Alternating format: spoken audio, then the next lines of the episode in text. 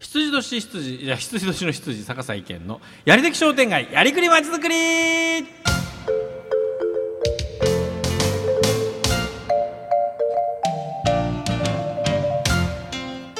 さあこのコーナーでは商店街の活性化まちづくり活動の推進についてどのように考えてえーどのように実践していくのかを、えー事例検証などを含めながら分かりやすく紹介提案していくコーナーです。はい。あまだそう K さんはね割とえっ、と BGM の前半で長めに撮ってくれるんです。ああそうだね。そう。うん。で私ついついしゃべ先に先に喋っちゃうっていうね、うんうんうん。はい。そうだね。そうなんでございますけれども、さっきのフィッシュファイトの時もかなり長めに撮ってくれるんですよそうそうそう。ねで一球出す前にもう喋っちゃって すいません。勝手に喋ってんじゃん。すいません はいということでございますが、さて、えー商店街中心市街地を活性化する5つのイベントということで、一点一品町ゼミ、えーうん。そしてバル町コンとうん。ご紹介をしてまいりましたが、はい。えー今日で5回目でございますね。最後の一つになるのかな、うん。うん。100円商店街。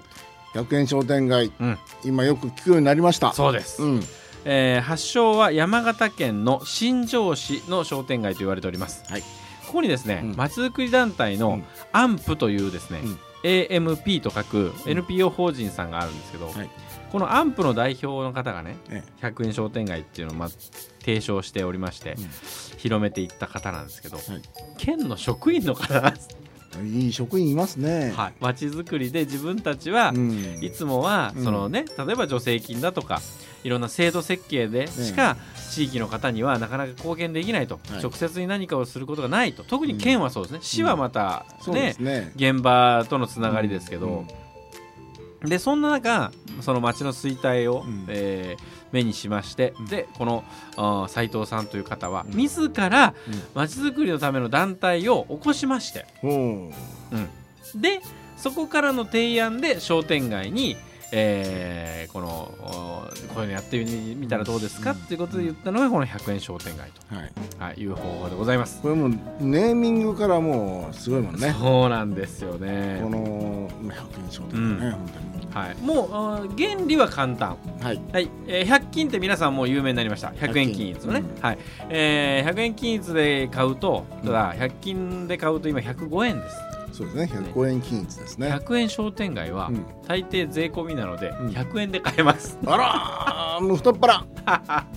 さすが商店街。はい。うん、ねそれもありますし、うん。えーまあ、100均は皆さんは、えー一つのお店一つの空間の、ね、中に行って、その中にある商品がみんな100円というふうに、えーお買い物されると思いますけども、はい。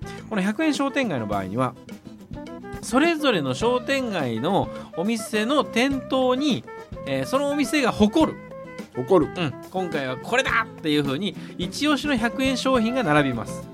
ある程度、うん。まあ、100円で売れるから置いとけってじゃなくてう、ん。うちはこれを100円で売るんだって気合い入った100円なのね、正解。そうなんです。うん。これはですね、やっている時に皆さん多分お店の方は気がつきます、在庫処分とか、例えば適当になんか、うん。えーメーカーさんからね、うん。えーもらってきた、うん。あーその反則品みたいな、反ねね。形とかの、うん。そういう適当な100円商品では、うん。すぐに飽きられてしまう、あらお客様目は超えてる、うん。うん。で自分の店での100円商品はうん。何があるだろうかというふうに工夫をしていくところがお客様にちゃんと伝わるということで、うん。そういうお店にはお客様が殺到するんですね。あの面白い話をいくつかこれ出した方が分かりやすいと思うんですけど、ねお寿司屋さんが、お寿司屋さんがえーせっかく商店街でね、うん。そういうふうにみんな100円商店街で頑張ってるからっていうんで、えー会議にね出まして、えで皆さんといろいろ意見交換をする中で、ええただうちはね、うん。お寿司屋さんで100円で売れるものがないんですよね。確かにね高単価商品多いでしょ。とそうです、うん。ね。ところがうん。その老舗のお寿司屋さんにみんなが言いました。うん。あんたのところねうん。ガリがうまいんよと。ガリがうまいよってそれが嬉しいような。はいでもお寿司屋さんのガリってうん。特別にうまい気がしません、美味しいですよガリがね。ねうん。でもちろんそのガリは、うん。えーお寿司屋さん独自でつけていらっしゃるものですから、このお寿司屋さんはね。うん。あそうかとうん。いうことで、ちっちゃくうん。袋に入れて入れて。100円分ということで、うんガリを店頭に並べることにしました、ガリは普通ねはい。食べ放題ですよ。うん、だから値段とかないでしょ。ないでもうん。それを売り物にしたところ、うん。なんと現在、うん。え1回の開催につきうん。500個売れるほとんどガリ工場作った方がいいんじゃないですかそれ、メーカーガリ工場。前のガリおろしします そう前の晩はねええ。眠れないそうです。眠れんと思いますよガリだけど一生懸命。あれ皮むきさなきゃいけんでしょ、ね。そうでも生姜の。逆に言うと、うん。いつもはタダでおあの、ね、お店で召し上がっていただいているものがですよ、5万円になるんですもうガリ工場ですよ、はい。ね、そのうちねもうガリの生産が間に合わんで、ね。また作れんって東アジアあたりで生産基地持ってですよ。いやいやいや。俺のガリのレシピで作ってくれみたいな。ね。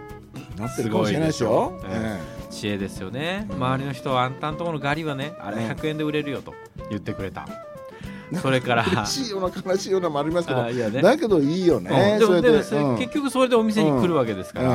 はい、でもう一つの事例。えサービス業の方はねええ。なかなかまたこれも難しい。あるお医者歯医者さんがいらっしゃる。商店街の皆さんが頑張っている。ね。歯医者さん高単価商品ですそうよそう。ね 普通ね。普通100円とかない。ありえない。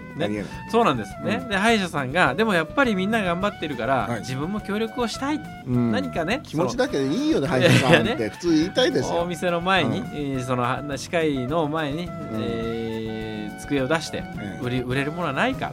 うん。考えました。考えました。はい、えー歯のうん検診を検診を。ははい。いつでもできますといううん。100円クーポンを作った、はい。ね、サービスの場合はこのクーポンを作るという方法で、うん。これを100円消費店街の日にうん。ご自分の歯科医院の前でうん。販売をしました、クーポン券要するに紙を売ったのね。そうそうそうそう。ところがね、うん100円だったらなんとなく皆さん、うん。ついつい流れで「あえー、そうなの、うん。ね歯医者さんでも100円のものがあるんだね」とか言って、うん。その100円の、ねうん。歯科検診クーポンを買っちゃう。買っちゃう。買ったら勝ちですね、自分の、うん。ご自分買った方は自分の好きな時間に行きますよね、うん。歯の検診受けてみてください、うん。必ずどっか悪いですから。うん。ね。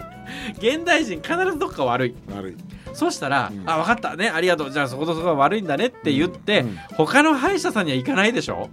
うん。ね普通そのまんま、ねね、その歯医者さんで検診します、検診からね、治療しますよね。うん。だから歯医者さんクーポンとして100円のあのそクーポンになって財布に入れとくと、うん。なんとなく使いたくなる心理が働くのよ。これがまた。そ うね、しかもタダでもらったんじゃないです。100円で買ってるわけですから。はいうんでそういうことをねやっていく、ということででしかもこの100円商店街にはいろいろと,、えー、ともちろんそれ守らなくてもいいけど守ってほしいこうするといいですよというルールがあります、はい。えー会計はお店の中で。あいちいち中まで入ってもらいましょうそうなんですよ、ねことお店を知ってもらうことがうん。一つ、もう一つの目的なので、うん。100円の商品をね店の前に並べます、そしてでも「あお会計ですねありがとうございます」ってそこでやっちゃわない。あそこだよね、うんその場で、はい。あのもうすぐさっさと帰ってもらっちゃいけないそうそうですねそう。ね、え。ーとかそれからその100円商店街終わった後とかやる前に、商店街の皆さんが集まって、うん。お互いのお店で何を売るのかという相談をしませんかと。お互いがお互いを知って、はい。みんなで、そう。えー売り物を考えれば、うん。自分の気づかないものが生まれてくると。そうなんです、いうことですね。はいというようないろんなねえー工夫とルールがずっと全国に浸透しておりまして、今はい。全国で40箇所ぐらいで、ほとんど全都道府県に近くなりましたね。そうそうそうそう、えはいやっております。ちちなみに、えーこの北九州でもえうん、ね八幡でやっておりますね。黒崎。はい。ああ、そうですか。はい、あの八幡のね、えっとうん。あっちの方、東の方か。八幡東の方の。東区の。はい、えー、なんていう商店街だっ枝光？けうん。枝光の隣のあの商店街でやっておりますよ。ああ、そうですか。はい。ということで、うん。えー全国にはびこっておるこの100円商店街という方法、はい。古典を皆さんに知っていただくということと、もう一つは古典の皆さんが自分のお店の魅力をうん。もう一回発見できる。うん。ね。というこのね2つの強さがあるうん。ということでございます。しかも簡単。簡単ですよね。うん、簡単なんです、やることは本当に簡単、ええ。でその日をめがけてお客さんはやっぱり来てくださいます、はい、ということでございますんでぜひ、えー中心市街地活性化のおイベントの一つとして100円商店街考えてみていただきたいというふうに思います、えーもしその講師を呼びたいということであれば、うん。ええー山形県新庄市の AMP という AMP というですね、はい。あのー法人 NPO 法人があります。ここの斉藤先生呼んだらいいです。大体商店街の方は、えーいろんな補助金がありますんで、うん。この先生を3回まで無料で呼ぶぐらいの助成金が各県に用意されてるはずですので、はい。はいこれを活用されるといいと思いますね。うん。ねということでございまして今日の、えーやりどき商店街やりくりまちづくりは、えー中心市街地商店街を活性化する5つのイベントのおラスト項目うん。100円商店街についてご紹介いたしました。やっぱね、えこの紹介していただいた5つのはい。手法、うんえーマチコンでしょ、うん。バル。うん。それから100円商店街に、それから町ゼミ。えあともう一丁が、ええーとえ100円。一品。うん。一手一品。一品これはもうほとんど商店街活性化のオスプレイだね。いやいや落ちるんですか？切り札？切り札ね。はい。その切り札うでん。非常にねもう破壊的な、このやっぱり力を持ったいや持ってますよ持ってるんですよ。ね。ところが使い方一つ間違うと、うん。やっぱりそれが無駄に終わってしまうというか、あそうそうそうそう。効果出ないことよりやっぱおオスプレイ型っていうかさ、う わすげえ。やっぱね、やっぱ他の手法っていうより、うん。オスプレイだあれでしょ？あのヘリコプターコプターの6倍速いんでしょ？うんそれはまあそうですね。だから飛行機からジェット機に乗り換えたようなもんですよ、うんうん。だからもう商店街も活性化するのはちまちまやんないで、うん。もうこれ5つの乗り換えればドーンとジェット機みたいにえ活性化をしていくわけですよ。えですよ。でも使い方忘れると亀より呪いっていう。そうですね。動かねえっていうねそうこれはね、うん。ポイントがあるんです。本当さっきも言ったようにねうん。えっ、と100円商店街は青森のぜひ伊こさんというね、ええ。あのー新町商店街の方、うん。うんに聞いてください。それから、えー100円商店街は山形の、ええ。新庄の斉藤さんに聞いてください。え町ゼミはうん岡崎の、えうん。えーっと今と忘れした、うん。ね岡崎の、うん。はいあの人います。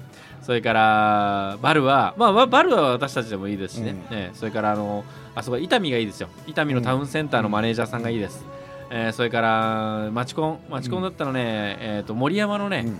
えー石上君というタウンマネージャーがいいです、はい。うん。そうですねこういう人たちにねまずねダイレクトに話を聞いていただくと何かやっぱりやり方とかで、えーでもちろん、えー、と成功するところ、うん。うん失敗するここ気をつけて失敗しますよということ,、いうこととかねいろいろ見えてくるんですよ。あのこれだけいつもね、うん。あの全国で成功事例そしていろんな環境の中でやった、え成功事例がある中で、うん。この5つ一つもやらないようなうん。商店街の理事長さんは、うん。やっぱ解任だね。うん、まあ ね。私も解任されたみたいに言いって言いますが。いやでもあれだよね。あの当時いろんなことやりましたよね。やりすぎて解任された人も珍しいですけどね。ええ。あの、ね、これは職務怠慢ですよ。うん。本当に。これだけで手厚く、えー行政の方も商店街うんそうなんですよ。商店街にはね保護してくれて、ええ。お金も準備します、はい。ただ呼んでもらって話聞いて言われる通りにやればいいことばっかりじゃないですかって話で、誰にどうこの何会理事会とかをね、うんあのまとめ上げれないような要素があるんですかって感じですよ。そうなんですね。やっぱそういう場合はもう自ら職を降りた方がいいんじゃないですかね。お出ましたね。結構今日はあの強気か過激なあことを言ってますが、まあはい解任された身ですからまあ、まあまあまあまあまあまあ置いときましょう。はい。はいということでございますけど街はそうやって活性ができますんで、はいね、ぜひあの、えーやっぱねやっていくことが大事なんです。街は必ずねえっ、と動けばそれに応えてくれるのが街です。はい。えーということでございますんでどうぞいろんな形で頑張ってみましょうねということで言っておりますもうエンディングでございますよ。はいはい